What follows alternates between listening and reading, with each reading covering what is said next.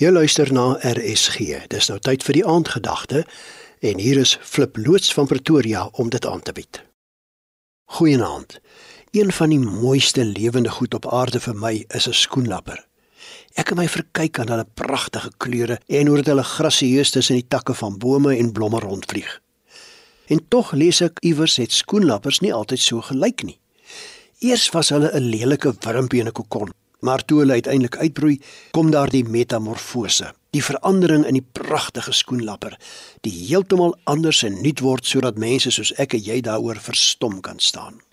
En weet jy, dit is presies die woord wat Paulus in Romeine 12 vers 3 gebruik waar hy skrywe: "Laat God julle verander deur julle denke te vernuwe."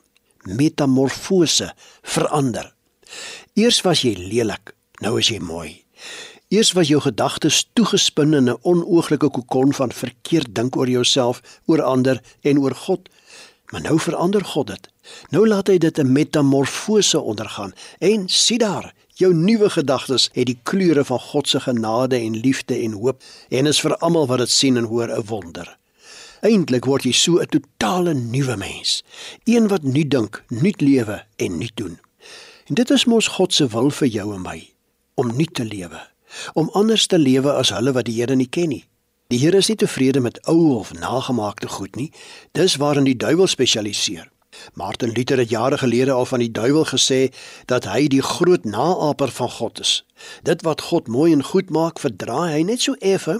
Hy gee dit 'n kinkel en bied dit dan vir jou en my aan asof dit nou eintlik die mooi en die goeie is. Vloek, skinder, kwaad praat, my meer verloor, Moenie hieroor sleg voel nie, hoor ek Satan sê. Almal doen dit. Dis mos mode. Jy kan dit ook maar doen. Maar Paulus sê: "Nee. Wees anders. Laat jou gedagtes nuut word." En waar God dan 'n mens se gedagtes nuut maak, 'n metamorfose laat ondergaan, daar bly hy in beheer van daardie gedagtes. So laat hy my ook vanaand nuut en anders dink oor my man of my vrou of my kinders of my ouers vir wie ek vandag my humeur verloor het. Dalk was ek die verkeerde een. So laat hy my anders dink oor mense in die land met wie ek moet saamleef, daar by die werk, my bure, op skool, in sportspanne. En nou kom ek agter, ons is almal na God se beeld gemaak en moet met nuwe oë na mekaar kyk. So laat God my anders dink oor my toekoms en elke dag van my lewe dat dit maar net 'n deeltjie van die pad is na die ewigheid saam met hom. En dan word elke oomblik 'n feesoomblik. Iemand wie se gedagtes deur God nuut gemaak is, kom agter dat 2 Korintiërs 5 vers 17 waar geword het in sy of haar lewe.